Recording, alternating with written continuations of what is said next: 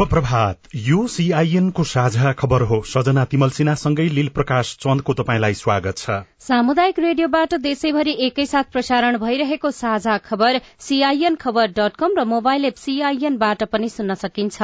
आज दुई हजार उनासी साल असोज सत्र गते सोमबार अक्टोबर तीन तारीक सन् दुई हजार बाइस नेपाल सम्बत एघार सय बयालिस आश्विन शुक्ल पक्षको अष्टमी तिथि आज बडा दशैंको आठौं दिन। साझा खबरमा प्रमुख खबरका शीर्षकहरू।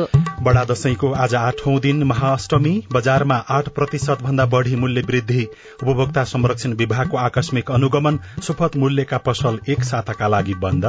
मंगिर चार गतेको निर्वाचनका लागि उम्मेद्वारको खर्च सीमा निर्धारण। समानुपातिको बन्द सूची बत्तीस दलले सच्याए। सत्ता गठबन्धनको सीट बाँडफाँड बारे अझै सहमति जुटेन। आज पनि छलफल हुने। नेपाली सुपारी उत्पादन बढ़दो। स्वार्थ समूहको दबावमा आयात खुल्ला गरिएको आरोप डेंगी परीक्षण किट अभाव। नरहेको सरकारको दावी? ब्राजिलमा नयाँ राष्ट्रपति चयनका लागि मतदान इरानको एउटा विश्वविद्यालयमा प्रहरी र विद्यार्थी बीच झडप चीनको सेन्जेनमा लकडाउनको विरोधमा प्रदर्शन। र प्रिमियर लीग फुटबलमा म्यान्चेस्टर सिटी विजयी दोस्रो टी ट्वेन्टी अन्तर्राष्ट्रिय क्रिकेटमा भारत विजयी दक्षिण अफ्रिका पराजित।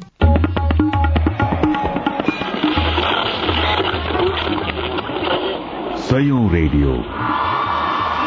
हजारौं रेडियो कर्मी। र करोड़ौं नेपालीको माझमा यो हो सामुदायिक सूचना नेटवर्क सीआईएन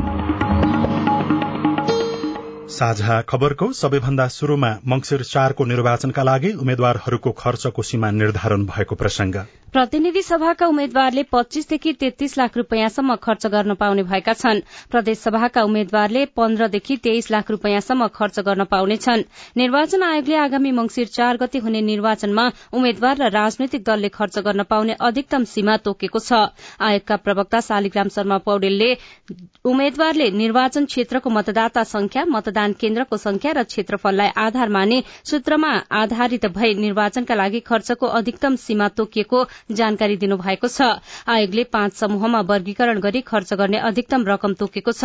यस्तै समानुपातिक निर्वाचन प्रणाली बमोजिम हुने प्रतिनिधि सभा सदस्यको निर्वाचनमा राजनीतिक दलले गर्ने निर्वाचन खर्चको सीमा प्रत्येक राजनीतिक दलले पेश गरेको बन्द सूचीमा सूचीकृत उम्मेद्वारको संख्या अनुसार प्रति उम्मेद्वार दुई लाख रूपियाँ र समानुपातिक निर्वाचन प्रणाली बमोजिम हुने प्रदेश सभा सदस्यको निर्वाचनमा राजनीतिक दलले गर्ने निर्वाचन खर्चको सीमा राजनीतिक दलले सम्बन्धित प्रदेशमा पेश गरेको बन्द सूचीमा सूचीकृत उम्मेद्वारको संख्या अनुसार प्रति उम्मेद्वार एक लाख पचास हजार रूपियाँ कायम गरिएको छ। खर्च गर्ने दलले गत भदौ एकतीस गते कायम भएको मतदाताका आधारमा सम्बन्धित निर्वाचन क्षेत्रमा कायम मतदाताको संख्यालाई साठी प्रतिशत मतदान केन्द्रका आधारमा सम्बन्धित निर्वाचन क्षेत्रमा कायम भएको मतदान केन्द्रको संख्यालाई बीस प्रतिशत भौगोलिक क्षेत्रको हकमा सम्बन्धित निर्वाचन क्षेत्रले ओगटेको क्षेत्रफललाई बीस प्रतिशत भार दिने निर्धारण गरेर खर्च गर्न पाउने हद तोकिएको आयोगका प्रवक्ता शालिग्राम शर्मा पौडेलले सीआईएनसँग बताउनुभयो।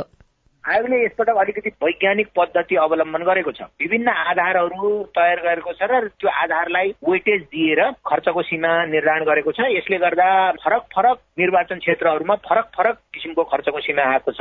मतदाताको संख्यालाई साठी पर्सेन्ट भार दिएको छ भने मतदान केन्द्रको संख्यालाई बिस पर्सेन्ट र भूगोललाई बिस पर्सेन्ट भार दिएर विभिन्न रेन्जको खर्चको सीमा निर्धारण गरेको छ। यसो गर्नुको कारण चाहिँ के? योभन्दा अगाडि सबै निर्वाचन क्षेत्रहरूमा बराबर खर्च दिएको थियो। सानो जिल्ला थोरै मतदाता संख्या भएका थोरै मतदान केन्द्र भएको जिल्ला र साह्रै धेरै मतदाता संख्या अथवा मतदान केन्द्र र भूगोल पनि ठुलो भएको जिल्ला पनि बराबर थियो। त्यसले एक किसिमको न्याय नभएको जस्तो अवस्था थियो भने तीनवटा फ्याक्टरलाई भार तोकेर सूत्रबद्ध रूपमा निर्वाचन खर्च निर्धारण गरिएको छ।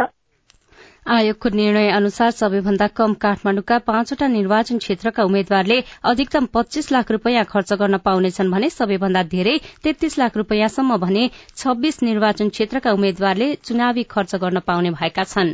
आगामी मंगिर चार गते हुने निर्वाचनका लागि बत्तीस राजनैतिक दलले प्रतिनिधि सभातर्फको समानुपातिको बन्द सूची सच्याएका छन्। निर्वाचन आयोगले हिजोसम्म बन्द सूची संशोधन गर्न अवधि दिएकोमा हिजो साँझसम्ममा तेइस दलले पहिले प्रस्तुत गरेको सूची संशोधन गरी आयोगमा बुझाएका हुन्।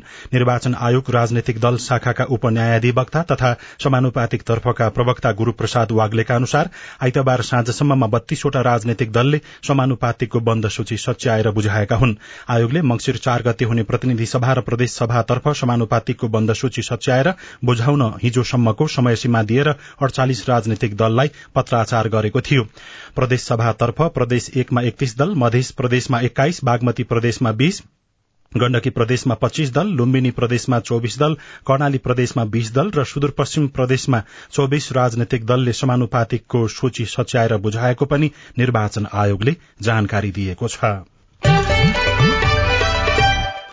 आज नवरात्रीको आठौं दिन महागौरीको पूजा आराधना गरी मनाइँदैछ। घटस्थापनाको दिनदेखि प्रत्येक दिन नवदुर्गाका विभिन्न रूपको पूजा गर्ने क्रममा आठौं दिन महागौरीको पूजा हुने गर्छ।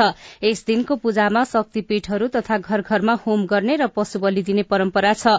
नवरात्रीको पहिलो दिन शैलीपुत्री दोस्रो दिन ब्रह्मचारिणी तेस्रो दिन चन्द्रघण्टा चौथो दिन कुष्माण्डा पाँचौं दिन स्कन्द माता छैठौं दिन कात्यायनी र सातौं दिन कालरात्री आठौं दिन महागौरी र नवौं दिन सिद्धिदात्रीको पूजा आराधना गरिन्छ। आश्विन शुक्ल पक्षको प्रतिबद्धबाट शुरू हुने नवरात्रीलाई दुर्गा पनि भनिन्छ। त्यसैको सातौं दिन सप्तमी तिथिमा दशैं घर वा पूजा कोठामा कालरात्री देवीको विशेष पूजा आराधना गरिएको छ। फूलपाती समेत भनेर चिनिने सातौं दिन देशभरका देवी मन्दिरमा भक्तजनको बिहानैदेखि भीड़ लागेको थियो। बड़ा दशैंको अवसरमा हिजोदेखि शुक्रबारसम्म सार्वजनिक विदा दिइएको छ। चाडपर्वमा उपभोक्तालाई सहुलियत मूल्यमा दैनिक उपभोग्य वस्तु उपलब्ध गराउने गरी खुलाइएका सुपथ मूल्य पसल भने करिब एक साताका लागि बन्द गरिएको छ। साल ट्रेडिङ कर्पोरेशनले पाँच दिन र खाद्य व्यवस्था तथा व्यापार कम्पनीले आठ दिन सुपथ मूल्यका पसलबाट बिक्री वितरण बन्द गर्ने भएका हुन्। साल ट्रेडिङले सञ्चालन गरेका सुपथ मूल्य पसल असोज सत्र गतेदेखि असोज बाइस गते चतुर्दशीसम्म बन्द हुनेछन् भने खाद्य कम्पनीका सुपथ मूल्य पसल असोज सोह्र गतेदेखि असोज तेइस गते आइतबारसम्म बन्द हुने भएका छन्। खसी बोकाको बिक्री वितरण भने यो अवधिमा पनि निरन्तर चल्ने खाद्य कम्पनीले जानकारी दिएको छ। चाडपर्वमा उपभोक्तालाई राहत दिने भन्दै यी दुई सरकारी स्वामित्वका संस्थाले असोज एक गतेदेखि अति आवश्यकीय खाद्य वस्तुमा विशेष छूट दिएर बिक्री वितरण गर्दै आएका छन्। यसैबीच चाडपर्वका समयमा उपभोक्ता ठगिने सम्भावना अझै बढ़ी हुने भएकाले सरकारले बजार अनुगमन तीव्र बनाएको छ। उद्योग वाणिज्य तथा आपूर्ति मन्त्रालयका सहायक प्रवक्ता उर्मिला केसीले सरकारले निरन्तर रूपमा बजार अनुगमन गरिरहेको सीआईएनसँग बताउनुभयो खाद्य प्रविधि तथा गुणनियन्त्रण विभागले चाडपर्वका समयमा उपभोग्य वस्तुको बढ़ी मूल्य लिने विरूद्ध उजुरी दिन आग्रह पनि गरेको छ। विभागले सूचना जारी गर्दै चाडपर्वका बेला समेत खाद्य तथा पेय पदार्थ सम्बन्धी उजुरी तथा गुनासो लिइने दशैं तिहार जस्ता प्रमुख चाडपर्वको समयमा वर्षेनी सय भन्दा बढ़ी सर्वसाधारणले सड़क दुर्घटनामा परि ज्यान गुमाउने गरेका छन्। ओभरलोड सड़कको दुरावस्था चालकको लापरवाही सवारी यान्त्रिक गड़बड़ी लगायतका कारणबाट वर्षेनी सर्वसाधारणले अनाहकमा ज्यान गुमाउनु परेको छ। तर त्यसको रोकथाम तथा नियन्त्रण गर्न सरकारी तहबाट अनुगमन नियमन र गल्ती गर्नेमाथि कार्यवाही हुन नसक्दा चाडपर्वमा सबै दुर्घटनाको त्रास निम्तने गरेको सरोकारवालाले बताउने गरेका छन्। अरू बेला भन्दा असोज र कार्तिक अर्थात दशैं तिहारको छेकोमा कार्यक्षेत्रबाट घर फर्कनेको चाप बढ़ी हुन्छ। हरेक वर्ष पन्ध्र लाखदेखि बीस लाख मानिस चाडपर्व मनाउन उपत्यकाबाट स्थायी थात्थलो जाने गरेका छन्। पर्व मनाएर त्यति नै संख्यामा उपत्यका भित्रिने गर्छन्। अकालमा ज्यान गुहाउनु पर्ने विकराल अवस्थालाई रोकथाम तथा नियन्त्रण गर्न सरकारी तहबाट भने त्यस अनुसारको प्रभावकारी कार्ययोजना बनाएर त्यसलाई कार्यान्वयन नगरेको पाइन्छ। गएको असोज सातमा सरकारले सवारी दुर्घटना रोकथाम तथा न्यूनीकरण गर्न गृह मन्त्रालयका सहसचिव फणिन्द्रमणि पोखरेलको संयोजकत्वमा कार्यदल गठन गरेको थियो। त्यसको भोलिपल्ट असोज आठमा कार्यदलको बैठक बसेर विभिन्न निर्णयहरू गरेको थियो तर त्यो निर्णय कार्यान्वयन भएको वा नभएको भन्ने बारेमा प्रभावकारी रूपमा कार्यान्वयन र अनुगमन नभएको भन्दै आलोचना पनि भइरहेको छ। डेंगी परीक्षणका लागि किट अभाव नभएको स्वास्थ्य तथा जनसंख्या मन्त्रालयले दावी गरेको छ। समुदाय स्तरमै डेंगी फैलिएपछि यसको परीक्षण गर्न आवश्यक किट पनि समुदाय स्तरमै उपलब्ध रहेकाले स्थानीय तह मार्फत डेंगी परीक्षण गर्न सकिनेछ। यसअघि डेंगी परीक्षण गर्दै आएको राष्ट्रिय जनस्वास्थ्य प्रयोगशाला बन्द गरिएपछि सर्वसाधारण नागरिकले असन्तुष्टि जनाएका छन्। दशैं विदाको समयमा हिजोदेखि असोज एक्काइस गतेसम्म प्रयोगशालामा डेंगी परीक्षण बन्द गरिएको हो। देशभर प्रकोपको रूपमा फैलिरहेको डेंगी संक्रमणको बेला प्रयोगशालामा परीक्षण बन्द हुँदा सर्वसाधारणलाई समस्या हुने भएको छ। स्वास्थ्य तथा जनसंख्या मन्त्रालयले भने स्थानीय स्तरमा नै परीक्षणको व्यवस्था मिलाइएकाले नागरिकले सेवा प्रवाहमा असर नपर्ने बताएको छ। सीआईएनसँग कुराकानी गर्दै मन्त्रालयका सहप्रवक्ता डाक्टर समीर कुमार अधिकारीले भन्नुभयो समुदाय स्तरमै परीक्षण गर्न सक्ने खालका किटहरू उपलब्ध छन्। हामीले त्यो हरेक स्थानीय तहहरूबाट पनि व्यवस्थापनबाट त्यस अनुसार स्थानीय तहमा उपलब्ध गराउने गरी सङ्घ प्रदेशबाट पनि संयोजन भएर समुदायमै उपलब्ध गराइएको हुनाले कर्मचारीहरू चाडपर्व मनाउन जाने सन्दर्भको त्यसै अनुसार व्यवस्थापन हुने नै भइहाल्यो। तर चौबिस घन्टै अथवा सातै दिन सेवा दिन नसके पनि आकस्मिक सेवा प्रवाह गर्ने गरी स्वास्थ्य संस्थाहरूमा आवश्यक प्रबन्धहरू गरिएको छ। लक्षण देखिएका अथवा शङ्का लागेका त्यस्तो व्यक्तिहरूलाई निकै संक्रमणको आशंकामा स्वास्थ्य कर्मीहरूसँग सम्पर्कमा ल्यायौँ आफू बसेको स्थानीय तहहरूको भने उहाँहरूले त्यही रहेको किटहरू प्रयोग गरेर परीक्षण गरिदिनुहुन्छ र आवश्यक परामर्श उपचार व्यवस्थापनको कामहरू पनि गर्नुहुन्छ। सामान्यतया तराईका जिल्लामा डेंगी थेगु डेंगू यसपटक भने पहाड़ी क्षेत्रमा पनि देखिने गरेको छ। यस अगाडि तराईका जिल्लामा बढ़ी देखिने गरेको थियो। यो वर्ष लुम्बिनी प्रदेशकै पहाड़ी जिल्लामा पनि डेंगी संक्रमणका बिरामी भेटिएका छन्। यसपटक भने प्रदेशकै बाह्रवटै जिल्लामा डेंगीका बिरामी भेटिएको निर्देशनालयले बताएको छ। लुम्बिनी प्रदेशका प्युठान रूकुम पूर्व पाल्पा अर्घाखाँची र रोल्पामा डेंगीका बिरामी भेटिएका छन्। दाङको राप्ती स्वास्थ्य विज्ञान प्रतिष्ठान र भेरी अस्पतालमा पनि पहाड़ी जिल्लाका बिरामीहरू त्यहाँ भर्ना भइरहेको त्यहाँका चिकित्सकहरूले बताएका छन्। बाँकेको भेरी अस्पतालमा पनि कर्णाली र सुदूरपश्चिम प्रदेशका जिल्लाबाट भेरी अस्पतालमा डेंगी संक्रमितहरू आउने गरेका छन्।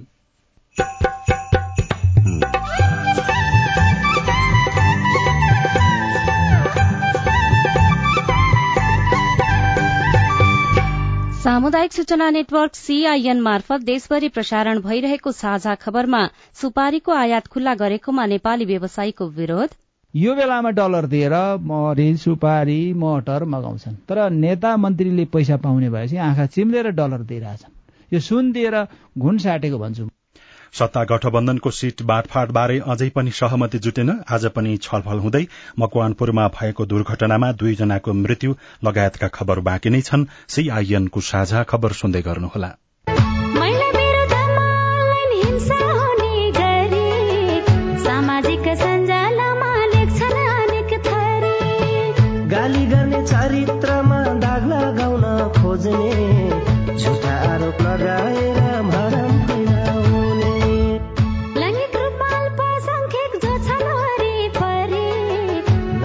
थरी हिंसा गर्छन् होच्याउने गरी।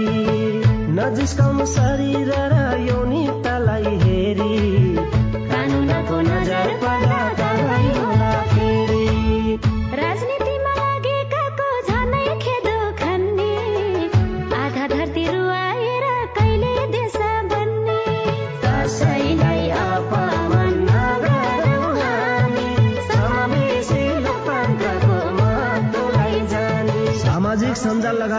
अनलाइनमा हुने मिथ्या समाचार दुष्प्रचार र घृणा जन्य अभिव्यक्ति कानूनी रूपमा दण्डनीय छ। अनलाइन हिंसा नगरौं र नसहौं। युएसएआईडी र एनडिआई नेपालको आर्थिक तथा प्राविधिक सहयोगमा पर्पल फाउन्डेसनको चेतनामूलक सन्देश। सामाजिक रूपान्तरणका लागि यो हो सामुदायिक सूचना नेटवर्क सीआईएन तपाई अहिले देशभरिका सामुदायिक radio CIN Khabar dot com र मोबाइल एप सीआईएनबाट एकैसाथ साझा खबर सुन्दै हुनुहुन्छ। मोबाइल एप नेपाली पात्रोबाट पनि साझा खबर सुनिरहनु भएको छ। अब बाँकी खबर। भर्खरै प्राप्त खबर अनुसार मकवानपुरमा बस दुर्घटना भएको छ। दुर्घटना हुँदा दुईजनाको घटनास्थलमा मृत्यु भएको छ भने चौध जना घाइते भएका छन्। काठमाण्डुबाट झापाको दमक जाँदै गरेको ना सात ख बीस बत्तीस नम्बरको बस गए राति मकवानपुरमा दुर्घटना भएको हो। राति करिब साढे बाह्र बजीतिर हेटौँडा उपमहानगरपालिका वड़ा नम्बर पन्ध्रको चुरियामाई नजिकै बस दुर्घटना हुँदा मोरङ घर भएका एकाउन्न वर्षका कल्पना राजवंशी र झापाको दमक नगरपालिका वड़ा नम्बर पाँच घर भएका साठी वर्षका दिल्ली बहादुर दर्जीको मृत्यु भएको मकवानपुरका प्रमुख जिल्ला अधिकारी राजेन्द्र देव पाण्डेले सीआईएनलाई जानकारी दिनुभयो। दुर्घटनामा छत्तीस जना घाइते भएकामा तीनजनाको चितवन मेडिकल कलेज भरतपुर दुईजनाको काठमाण्डु स्थित अस्पताल र अन्यको मकवानपुरको विभिन्न अस्पतालमा उपचार भइरहेको छ। दुर्घटनामा परेका मध्ये चौध जना सामान्य घाइते भएका छनृ। अब आज काठमाडौँबाट प्रकाशित पत्र पत्रिकाको खबर गोर्खापत्र दैनिकमा पाँच दलको बैठक। आज पनि शीर्षकमा खबर छापिएको छ सत्तारूढ़ पाँच दलको बैठक सीटमा सहमति खोज्नको लागि निरन्तर छलफल भइरहन्छ तर अहिलेसम्म पनि सहमति जुट्न सकेको छैन। आजका लागि पनि बैठक आह्वान गरिएको छ। सीट बाँडफाँटको टुंगो लगाउन पाँच दलीय गठबन्धनको बैठक निरन्तर रूपमा चलिरहेको छ। हिजो बसेको बैठकमा पनि नेपाली कांग्रेस नेकपा माओवादी केन्द्र नेकपा एकीकृत समाजवादी जनता समाजवादी पार्टी नेपाल र राष्ट्रिय जनमोर्चाका शीर्ष नेताहरूले सीट बाँडफाँटकै विषयमा छलफल गरेका थिए। पूर्व प्रधानमन्त्री एवं एकीकृत समाजवादीका सम्मानित नेता झलनाथ खनालले गठबन्धनका दलहरूबीच सीट बाँडफाँटको विषयमा आज पनि छलफल हुने र हिजोको छलफलबाट नटुंगिएको बताउनुभयो। प्रधानमन्त्री एवं कांग्रेस सभापति शेरबहादुर देउबा माओवादी केन्द्रका अध्यक्ष पुष्पकमल दाहाल प्रचण्ड एकीकृत समाजवादीका अध्यक्ष माधव कुमार नेपाल जनता समाजवादी पार्टीका अध्यक्ष उपेन्द्र यादव राष्ट्रिय जनमोर्चाका उपाध्यक्ष दुर्गा पौडेल सीट बाँडफाँट कार्यदलका संयोजक एवं कांग्रेस केन्द्रीय सदस्य कृष्ण प्रसाद छिटौला सहितका कार्यदलका नेताहरूको बीचमा पटक पटक छलफल भइरहेको छ तर अहिलेसम्म पनि सहमति जुट्न सकेको छैन। अर्को खबर प्रभावकारी बन्दै पूर्वाधार एम्बुलेन्स शीर्षकमा भौज प्रसाद यादवले खबर लेख्नु भएको छ काठमाडौँ महानगरपालिकाले सञ्चालनमा ल्याएको पूर्वाधार एम्बुलेन्सले एक हजार चार सय वर्ग मिटर सड़क मर्मत गरेको छ। तत्काल सड़कको खाल्चा खुल्टी पूर्ण तथा सड़क पेटीको मर्मत सम्भारमा यो प्रभावकारी देखिएको छ। एक सय पचपन्न वर्षदेखि रामलीला शीर्षकमा कान्तिपुर दैनिकले खबर लेखेको छ घरका भेदी लंका ढाए। तराईमा यो उखान निकै चर्चित छ। कतिपय राजनेता उच्च पदस्थ सरकारी अधिकारी र नागरिकका भेषमा गुप्तचरी गर्दै आएकाहरू जसले आफै मुलुक कमजोर तुल्याउन भित्रभित्रै अनेकौं भूमिका निभाउँदै आएका छन् यो उनीहरूप्रति लक्षित भनाई हो। राष्ट्रिय अखण्डता र राष्ट्रियता कमजोर गराउने भूमिकामा रहेका विभीषणहरू र रावण रूपी भ्रष्टहरूबाट समाजलाई जोगाउने उद्देश्यले नेपालगंजमा दशैंमा रामलीला प्रदर्शन हुँदै आएको छ। लीला हेर्न आएका हजारौं दर्शक सामुन्ने विभीषणले भगवान श्रीरामको भूमिका निभाइरहेका कलाकार समक्ष रावणको मृत्युको रहस्य खोलिदिँदा धेरैको मनमा प्रश्न उठ्छ राम्रो मुलुकमा यस्ता विभीषण कति होलान्? त्यस्ताको अन्त्य कसले र कहिले होला? रामलीलाकी अञ्जना थापाले भन्नुभयो यस्ता प्रश्न तीन करोड़ नेपालीको मनभित्र उर्लिन आवश्यक छ। दश टाउका भएको रावणलाई हरेक दशैं जलाइन्छ तर एक टाउके रावणहरूको मृत्युको रहस्य खोलिदिने विभीषणहरू जन्मनुपर्छ जसबाट मुलुक जोगाउन सकियोस्। रामलीला सञ्चालन समितिका अध्यक्ष सन्तोष कुमार कनोडियाले भन्नुभयो सरकार संस्कार गिर्दो छ रावण रूपी भ्रष्टीहरू बढ़दै गएका छन्। त्यसैले वर्षका बाह्र दिन जलकल्याण र संस्कारयुक्त शिक्षा दिने हाम्रो प्रयास रहँदै आएको छ। भित्री पन्नामा अर्को खबर छ चुनावमय दशैं राजनैतिक दलका सम्भावित उम्मेद्वारहरू गाउँ पुगेका मतदातालाई शुभकामना दिँदै मत माग्न थालेका छन्।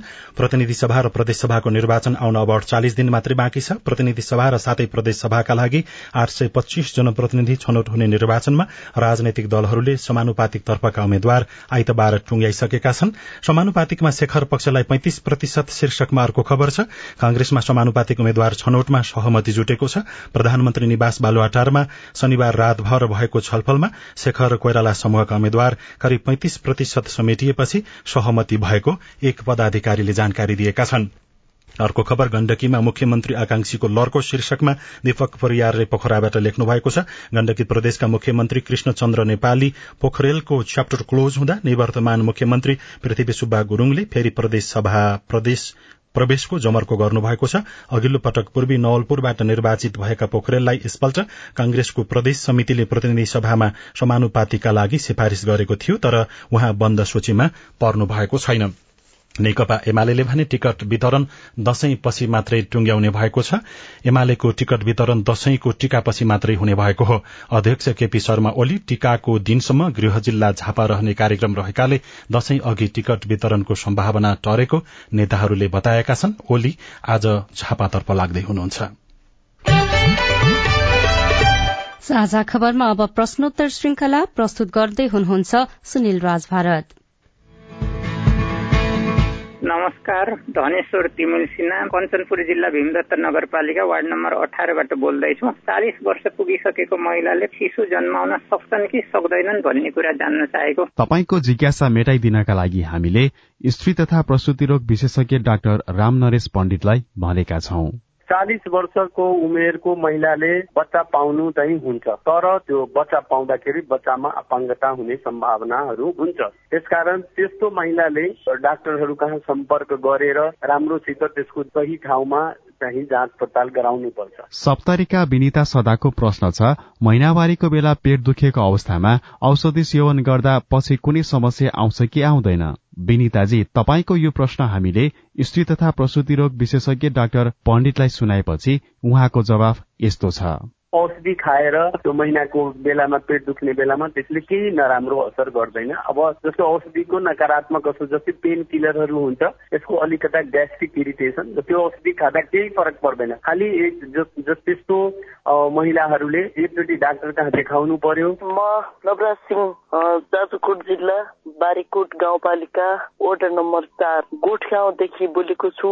गत वर्ष दुई हजार अठहत्तर सालमा जनता आवासको घर आयोजना भई जुन घर निर्माण भइसकेपछि जनता आवासबाट आउने रकम कहिलेसम्म प्राप्त हुन्छ?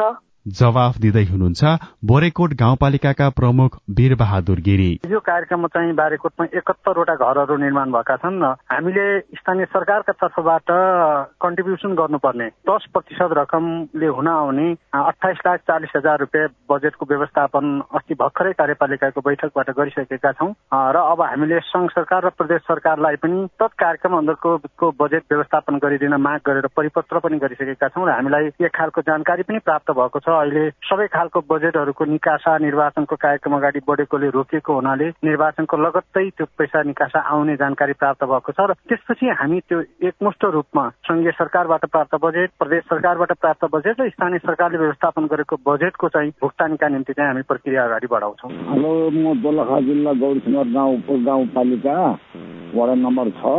म कृष्णबहादुर गुरुङ बोलेको।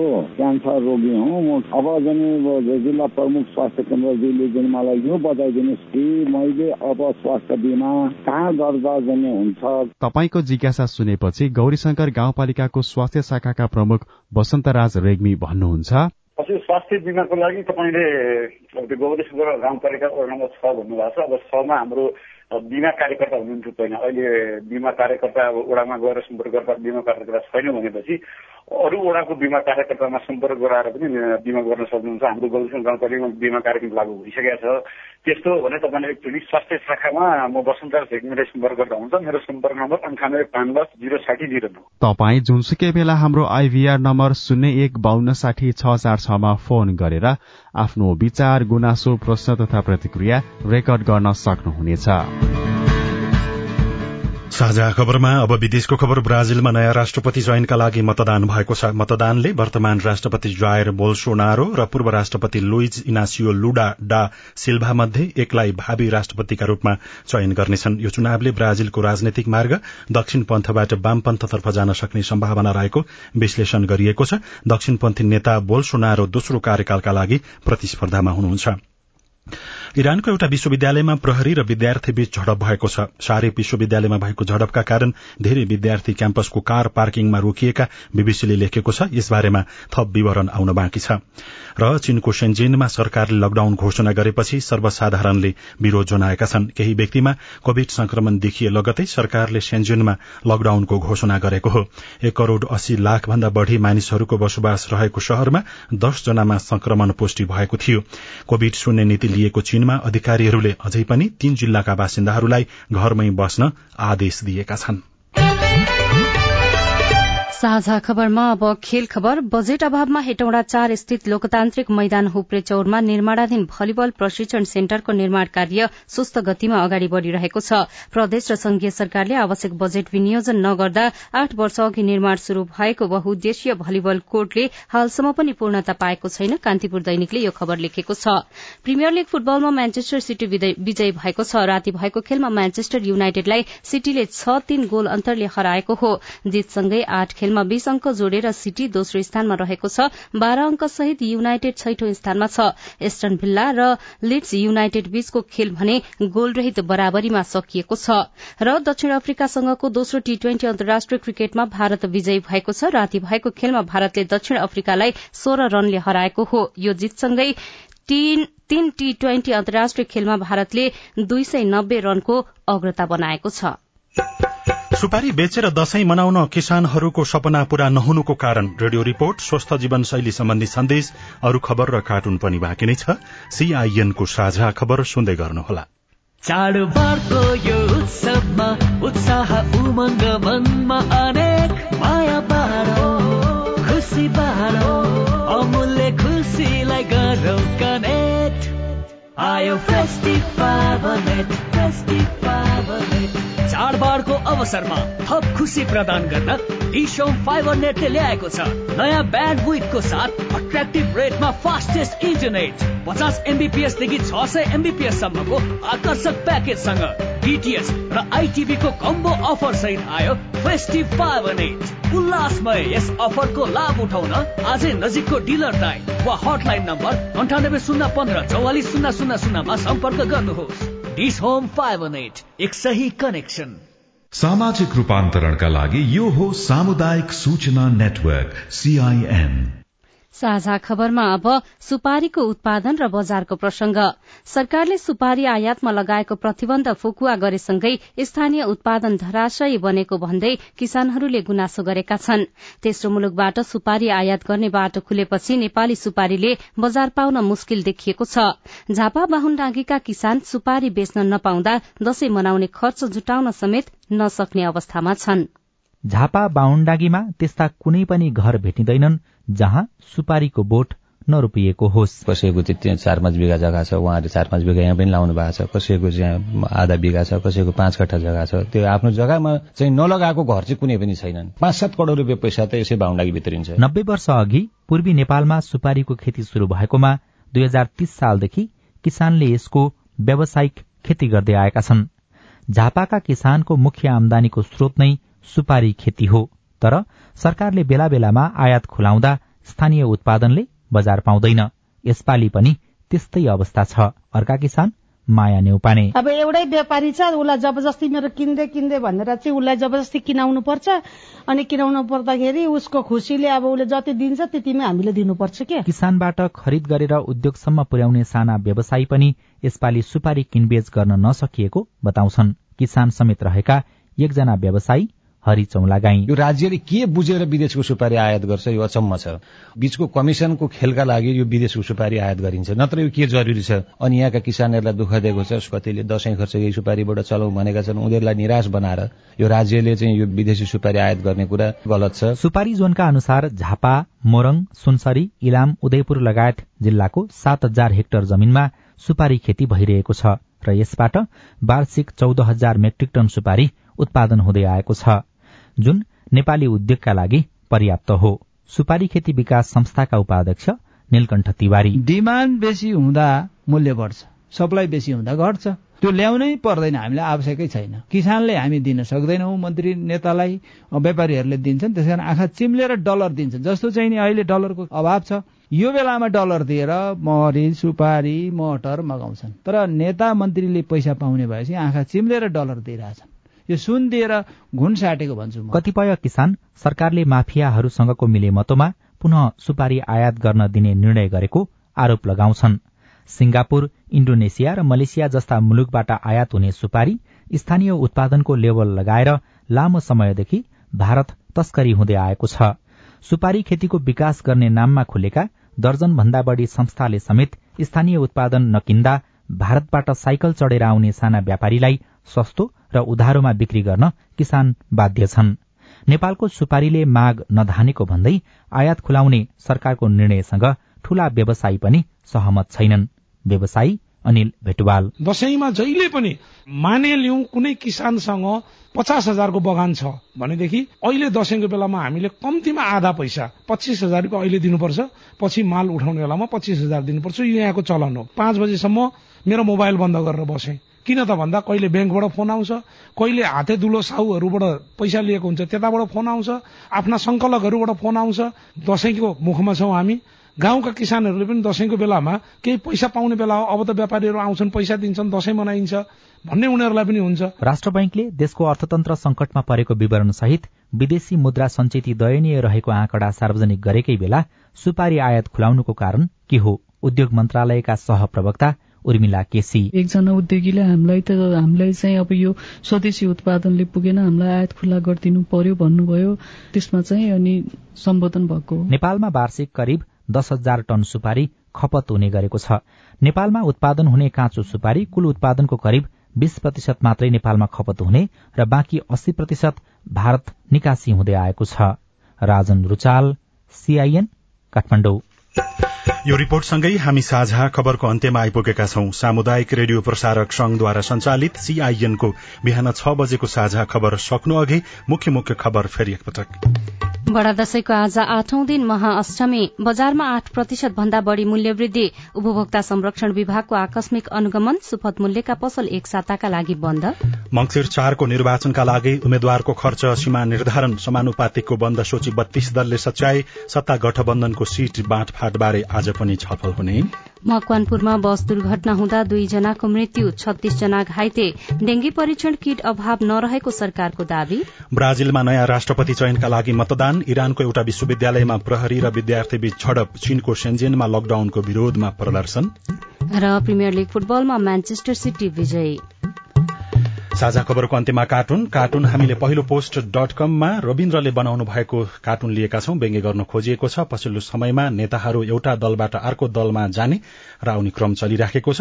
यहाँ एउटा मैदान छ। मैदानको पछाडिपट्टि रविन्द्र मिश्र र राजेन्द्र लिङदेन जस्ता देखिने व्यक्ति काँधमा काँध राखेर भलो काँधमा राखेर अगाडि बढ़िराखेका छन्। बाबुराम भट्टराई जस्ता नेता अलि अगाडिपट्टि हुनुहुन्छ। उहाँले भन्नुभएको छ रविन्द्र मिश्रलाई मसिद्ध दाँच्नु भनेको सक्खर र गोबर देख्नु हो भनेर उहाँले भन्नुभएको छ तर त्यतिखेरै पत्रकारले प्रश्न सोधेका छन्। माथि चाहिँ यस्तो लेखेको छ अनि तपाईँहरूमा सक्खर को र गोबर को हो त? प्रश्न पारिदिनुहोस् न। हवस् त प्राविधिक साथी सुनिल राज भारतलाई धन्यवाद। अहिलेलाई लील प्रकाश सजना तिमल सिन्हा विदा भयौं। तपाईँको आजको दिन शुभ होस्। नमस्कार। यसपछि देशभरिका सामुदायिक रेडियोबाट कार्यक्रम जीवन रक्षा प्रसारण हुनेछ। सुन्ने प्रयास गर्नुहोला।